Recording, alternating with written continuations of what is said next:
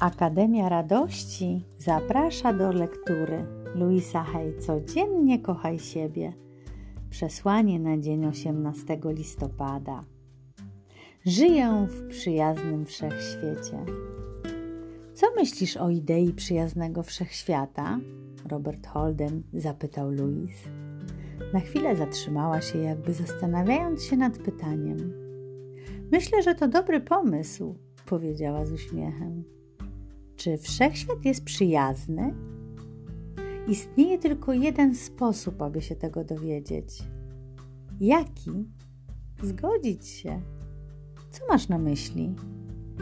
Jeśli odpowiadasz nie, nigdy nie dowiesz się, czy wszechświat jest przyjazny, powiedziała. Mówisz nie, więc nie zobaczysz tego. Dokładnie. Ale jeśli się zgadzasz, możesz. Oto cała odpowiedź. Odpowiedź jest w nas, dodała Louise.